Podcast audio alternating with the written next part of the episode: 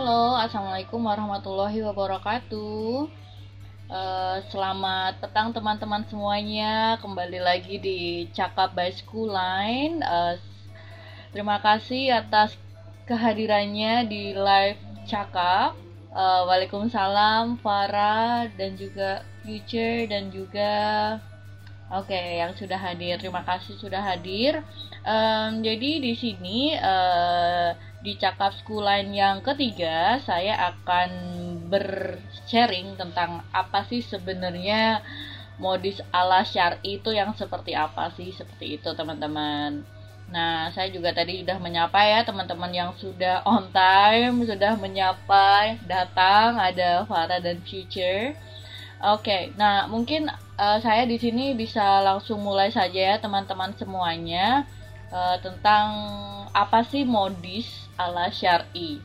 Uh, jadi kalau modis ala syari itu bisa dibilang um, dua arti yang berbeda ya, modis dan syari seperti itu.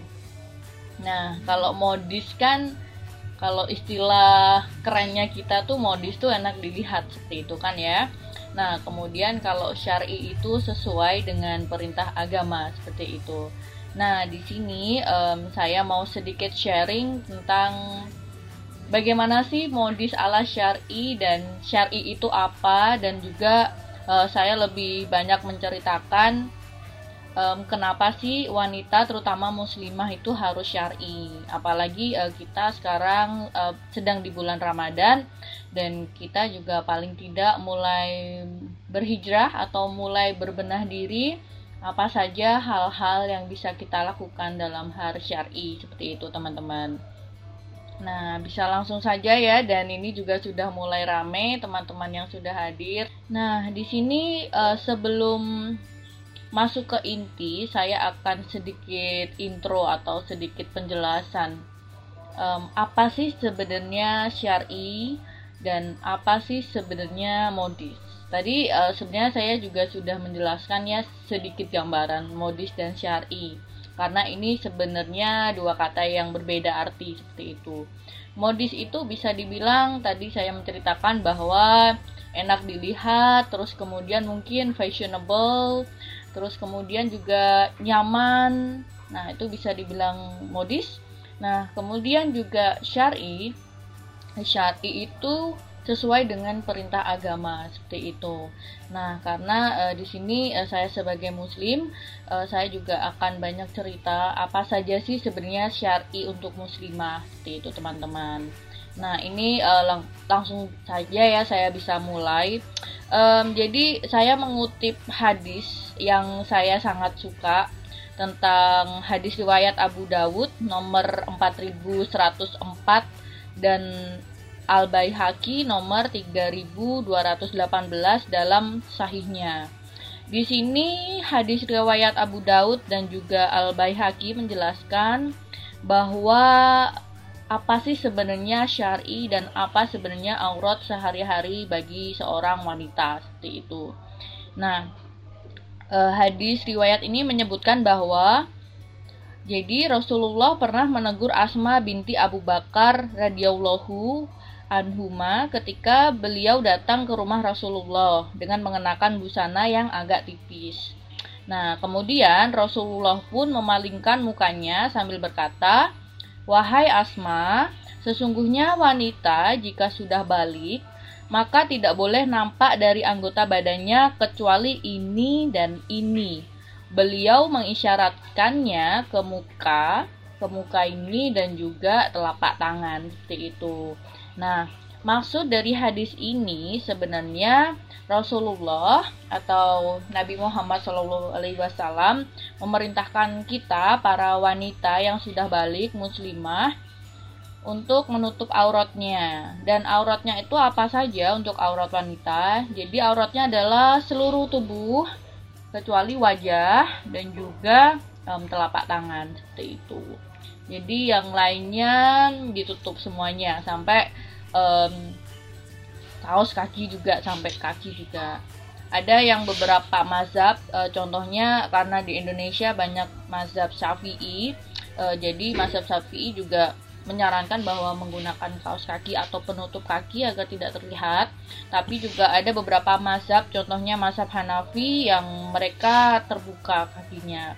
Jadi ini dikembalikan ke mazhab dan juga um, belief atau um, keputusan atau uh, keputusan ulama di negara teman masing-masing seperti itu.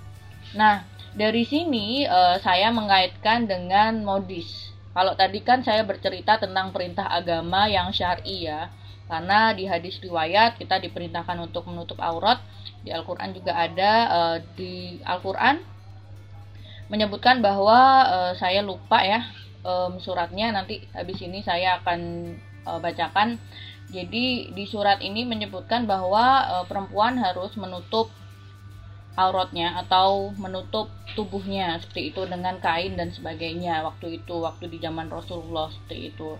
Jadi memang um, kita benar-benar diperintahkan tidak hanya di hadis uh, tapi juga di Al-Qur'an seperti itu teman-teman. Nah, um, kemudian uh, saya juga akan menjelaskan ya tadi tentang syar'i, jadi um, hukum bagi seorang muslimah dalam menutup aurat dan juga modis. Modis ini kan tadi saya menjelaskan di awal bahwa enak dilihat, terus kemudian juga rapi dan bersih gitu. Jadi sebenarnya eh, modis itu bukan berarti kayak yang kekinian atau mungkin um, berbagai macam warna dan sebagainya, tapi lebih ke bagaimana teman-teman nyaman dan bagaimana teman-teman itu enak dilihat, baik dari uh, teman kerja ataupun dari teman, sahabat atau mungkin keluarga gitu. Jadi memang bisa dibilang um, dalam kehidupan sehari-hari uh, modis dan syari itu bisa digabungkan asal uh, kita sesuai dengan um, hadis dan juga Al-Qur'an teman-teman semuanya. Nah, di sini saya juga akan bercerita tadi saya menyebutkan ya di Al-Qur'an perintah berhijab. Nah, perintah berhijab ini uh, saya pernah baca waktu membaca al tafsir Al-Qur'an um, di sini menjelaskan di An-Nur ayat 19. Jadi di An-Nur 19 ini menyebutkan jadi Allah berfirman di An-Nur ayat 19 berfirman bahwa Hai Nabi, katakanlah kepada istri-istrimu, anak-anak perempuanmu, dan istri-istri orang mukmin, hendaklah mereka mengulurkan jilbabnya ke seluruh tubuh mereka yang demikian itu supaya mereka lebih mudah untuk dikenal. Karena itu mereka tidak diganggu dan Allah adalah Maha Pengampun lagi Maha Penyayang. Nah, ini uh, teman-teman maaf tadi ini Al-Azab 59 ya. Nah, untuk Anur yang 31 Allah juga menyebutkan. Jadi tidak hanya satu ayat tapi juga Allah uh, banyak memerintahkan di Al-Azab juga Al-Azab 59 Nah, kemudian di An-Nur 31 menyebutkan bahwa katakanlah kepada wanita yang beriman, e, yakni muslimah, hendaklah mereka menahan pandangannya dan kemaluannya dan janganlah mereka menampakkan perhiasannya kecuali yang biasa nampak daripadanya dan hendaklah mereka menutupkan kain kudung ke dadanya dan janganlah menampakkan perhiasannya kecuali pada suami mereka. Nah, di sini e, teman-teman juga tadi bisa melihat ya ternyata uh, perintah agama Islam di sini bahwa selain An-Nur 31 uh, surat Al-Ahzab 59 juga menyebutkan bahwa kita harus berhijab dan bagaimana batasan berhijab uh, dan tadi juga saya sudah menjelaskan di awal tentang hadis Rasulullah saat menegur Asma.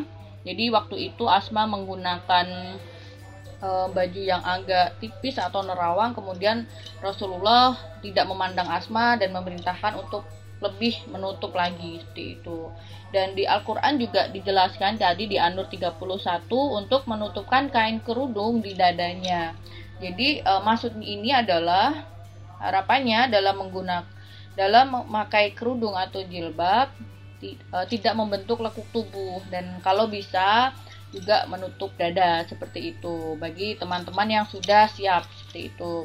Tapi bagi teman-teman yang masih belajar, uh, saya juga tidak memaksakan. Jadi eh, teman-teman pun juga bisa menggunakan baju-baju yang gombrang yang yang intinya tidak membentuk lekuk tubuh terus kemudian juga tidak nerawang dan juga bisa menutup dada jadi intinya kita berpakaian itu bertujuan untuk menutup aurat dan selain itu bertujuan untuk ibadah dan juga menjaga pandangan seperti itu teman-teman.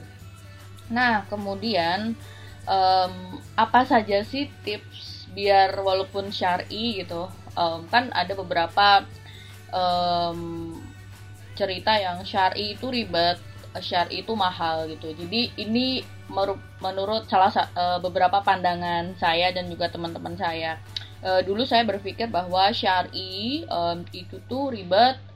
Syari itu mahal gitu. Karena um, kan saya dulu masih kuliah itu nggak mau naik kayak motor takut kejiret karena dulu waktu SMA itu ada pengalaman bahwa uh, saya itu naik uh, menggunakan gamis kemudian kejiret motor. Dan gamis yang panjang sampai kaki alhasil karena kejiret tinggal setengah aja gitu. Untung saya nggak kenapa-kenapa kayak gitu. Nah ini juga sebenarnya kita perlu berlatih teman-teman. Um, di awal saya menggunakan pakaian syari itu juga uh, sekitar dua tahun lalu. Dan saya juga dulu masih berpikir bahwa syari itu ribet, syari itu mahal gitu. Dan ternyata enggak kok. Dan saya tetap uh, dengan menggunakan pakaian yang mencoba untuk lebih menutup aurat dan mencoba untuk mengikuti sunnah dan wajib dari Allah pun um, saya juga masih bisa menggunakan syari. Dan saya lebih senang karena dengan saya menggunakan syari muslimah lebih syari lagi pakaiannya dan sebagainya saya masih bisa terus berinteraksi dengan teman-teman saya baik dari teman-teman di pekerjaan atau mungkin uh, teman-teman saya di dunia luar negeri itu dan mereka sangat memahami hal tersebut seperti itu teman-teman. Jadi sebenarnya nggak ada masalah gitu. Apakah hijab hijab syari bisa uh, membuat kita pekerjaan kita bisa berkurang atau tidak? Tidak karena mereka bisa saling memahami satu sama lain gitu teman-teman um, jadi um, sebenarnya teman-teman tidak perlu berpikir bahwa hijab syar itu mahal dan sebagainya. Kita juga masih bisa menggunakan um, kerudung misal yang segi empat bisa agak dilebarin dikit kayak gitu. Jadi intinya semuanya tuh pelan pelan gitu. Dan semuanya juga proses. Dan tetap um, dengan seperti itu dengan kita pede inner beauty kita keluar kita bisa tetap modis kita bisa tetap rapi terus kita juga bisa dilihat enak saat berinteraksi dengan teman dan juga mitra kerja seperti itu teman-teman. Jadi intinya di teman-teman di sini nggak usah khawatir nih um, apakah um, syari jika saya berubah menjadi hijab syari apakah saya dijauhin teman? Terus kemudian apakah saya agak dijauhin apa kayak ini siapa ya? gitu. Terus kok nggak nggak gaya lagi atau kayak gimana? Jadi teman-teman nggak usah berpikiran atau takut seperti itu. Karena semuanya ini proses dan insya Allah semuanya akan menerima seperti itu. Dan dengan proses saya selama 2 tahun ini dengan menggunakan hijab yang bisa dibilang cukup syari tapi saya juga belum merasa syari banget ya. Tapi saya mencoba untuk menutup semuanya mulai dari uh, atas sampai bawah. Jadi hanya terlihat uh, wajah saya aja sama telapak tangan. Jadi saya juga mencoba menutup kaki dengan kaos kaki gitu. Dan sebenarnya itu uh, sangat seru sih teman-teman. Karena kita juga bisa belajar dan teman-teman uh, juga tidak usah khawatir seperti itu. Nah um, harapannya teman-teman di sini um, sharing saya tentang modis ala syari ini bisa sedikit menginspirasi teman-teman terutama teman-teman yang mendengarkan mulai dari uh, teman-teman muslimah gitu. Jadi uh, teman-teman tidak usah khawatir gitu. Jadi walaupun syari uh, teman-teman bisa tetap modis bisa tetap berinteraksi dan modis itu tidak mahal. Dan kayak saya nih uh, biasanya cuma pakai kerudung hitam sama gamis gitu. Cuma two pieces clothes gitu. Dan memang dari awal saya pengen back to basic. Atau kembali lagi ke hal yang sangat sederhana sekali gitu. Jadi kalau bisa yang tidak berlebihan gitu. Saya belajar dari kisah-kisah Rasulullah bahwa Rasulullah pun bajunya hanya beberapa helai aja seperti itu. Beberapa pieces aja. Siti Khadijah juga bajunya hanya beberapa pieces aja. Kalau misal ada yang rusak atau ada yang belel uh, sama Rasulullah sama Siti Khadijah dan juga istri-istrinya uh, juga dijahit lagi. Jadi memang benar-benar sampai tidak bisa dipakai gitu. Dan saya terinspirasi dari dari kisah Rasulullah dan juga para sahabat uh, dengan cerita-cerita hal tersebut bahwa sebenarnya semakin banyak baju kita gitu semakin lama juga hisap kita atau bisa dibilang hisap nanti di akhirat eh, kita semakin lama ditimbang-timbangnya gitu makanya dari situ sebenarnya sebenarnya lebih enak gitu menggunakan baju syari gitu. selain kita lebih nyaman e, berteman dengan siapa pun dan teman-teman dari dalam negeri ataupun luar negeri karena kebetulan saya juga kalau teman-teman kemarin nyimak di cakap yang kedua saya kerja di perusahaan internasional di Bangkok di Thailand um, di situ kan juga teman-teman alhamdulillah sangat menghargai saya dengan pakaian saya. Kemudian juga cara berinteraksi saya. Kemudian saya juga setiap ibadah saya juga minta izin ke mereka dan mereka sangat menghargai. Jadi waktu sholat juga biasanya mereka Lita is time your is is for is time for your pray your is time for your praying gitu. Jadi um, sebenarnya um, syari itu merupakan proses teman-teman. Jadi alangkah baiknya bagaimana kita menggunakan hijab syari ataupun cara-cara syari yang lainnya itu dengan berproses. Uh, dan saya juga senang alhamdulillah selama dua tahun ini, selama berproses dua, dua tahun ini saya sangat enjoy dan saya uh, perubahannya pelan-pelan seperti itu. Jadi ada sekitar 10 menit untuk saya um, recap sih teman-teman semuanya. Jadi lebih ke saya recap tadi saya bercerita apa aja. Uh, jadi tadi di awal saya bercerita tentang modis dan syari. Itu merupakan dua kata yang berbeda, uh, tapi bisa dikaitkan juga seperti itu. Nah, untuk awal tadi saya menjelaskan bahwa um, modis itu lebih ke enak dilihat, terus kemudian rapi, bersih, dan itu juga kebersihan itu juga bagian dari iman kita. Dan Allah selalu menyukai hal-hal yang bersih. Contohnya di saat kita mau ibadah kita juga harus bersih karena kita mau menghadap Allah seperti itu. Nah uh, kemudian juga uh, yang kedua adalah syari. Uh, syari ini lebih ke bagaimana kita mematuhi aturan-aturan dari Allah dan juga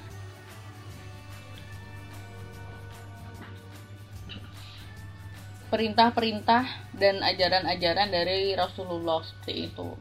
Nah, tadi saya juga sudah menyebutkan ya menjelaskan tentang hadis dari Rasulullah yang menjelaskan waktu itu Asma berkunjung ke rumah Rasulullah, kemudian e, Asma ternyata menggunakan pakaian agak nerawang dan Allah, Allah Rasulullah memerintahkan agar um, aurat kamu itu yang hanya bisa kelihatan itu hanya di wajah aja dan juga di telapak tangan aja gitu. Jadi kalau bisa yang lainnya harus tertutup gitu dan ditambah dengan di Al-Azab dan juga Anur. Jadi Anur 31 menyebutkan bahwa um, perempuan harus menutup um, anggota tubuhnya dengan kain kudung sampai ke dadanya dan juga perintah berjilbab di Al-Azab 59 yang menjelaskan bahwa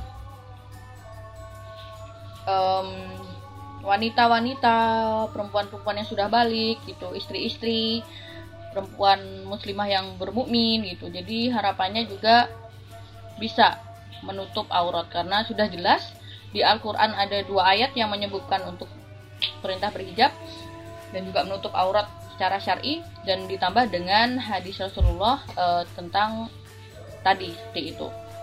Nah, teman-teman di sini e, tadi saya juga menjelaskan tentang ayat Al-Quran dan juga hadis tentang syari. Dan kemudian juga saya mengkaitkan dengan kehidupan sehari-hari contohnya yang biasa saya lakukan gitu. Jadi memang tidak masalah teman-teman semuanya bagi uh, teman-teman yang sedang berkarir atau mungkin sedang bersekolah atau seperti apa.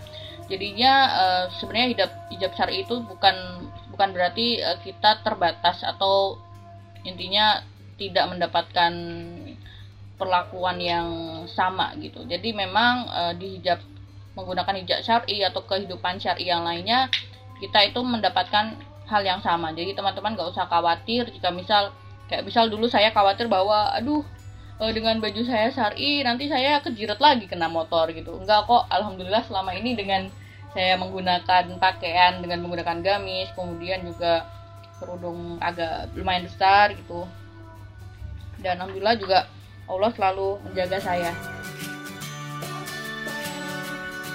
tinggal 5 menit lagi uh, jadi ini juga tadi uh, saya melanjutkan bahwa pengertian modis dan syari kemudian perintah agama di agama Islam di tentang hadis dan juga di Al-Qur'an. Terus kemudian juga e, lanjutannya adalah kehidupan sehari-hari. Jadi teman-teman muslimah di sini nggak usah khawatir. Yang tadi saya bilang, aduh di sekolah nggak dibolehin atau mungkin um, yang lainnya nggak dibolehin gitu, atau mungkin nanti di waktu pekerjaan tidak dibolehin. Teman-teman tidak usah khawatir karena semakin ke sini um, kita juga semakin paham ya teman-teman ya um, dan kita juga bisa menjelaskan bahwa di tadi yang saya sebutkan teman-teman bisa menjelaskan bahwa di Al-Qur'an kita diwajibkan untuk bagi muslimah diwajibkan untuk menutup aurat dan juga di hadis juga uh, Rasulullah juga menjelaskan seperti itu. Nah, untuk selanjutnya uh, teman-teman di sini jadi mengkaitkan dengan tadi pekerjaan yang tadi saya sudah ceritakan. Jadi intinya modis ala syari itu kita kembali lagi back to basic atau kembali ke hal-hal yang sederhana. Jadi saya juga cerita bahwa di zaman Rasulullah dan juga para sahabat itu uh, Rasulullah itu hanya punya beberapa baju aja, beberapa pieces baju gitu. Hal ini uh, karena ya kita tahu bahwa semakin banyak barang yang kita punya uh, kita juga semakin lama penimbang-penimbangan kita nanti di akhirat juga semakin lama seperti itu terus kemudian juga makanya uh, saya juga banyak mendapat dan belajar tentang kisah-kisah Rasulullah dan sahabatnya bahwa semakin sedikit baju kita digunakan sampai uh, bisa dibilang sampai udah nggak bisa dipakai lagi tuh sangat disarankan gitu yang penting tetap bersih tetap rapi tetap dicuci terus seperti itu dan contohnya waktu itu uh, kisah Siti Khadijah dan Rasulullah waktu baju Rasulullah udah belel terus kemudian dijahit lagi Nah, ini juga saya e, pertanyaan dari Ahmad Supriyanto. Modis buat cowok nggak banyak pantangan, Kak. Jadi, e, kalau modis modis ala syar'i buat buat buat ihwan ya, teman-teman semuanya ya. Tadi kan saya lebih banyak menjelaskan tentang ahwat ya.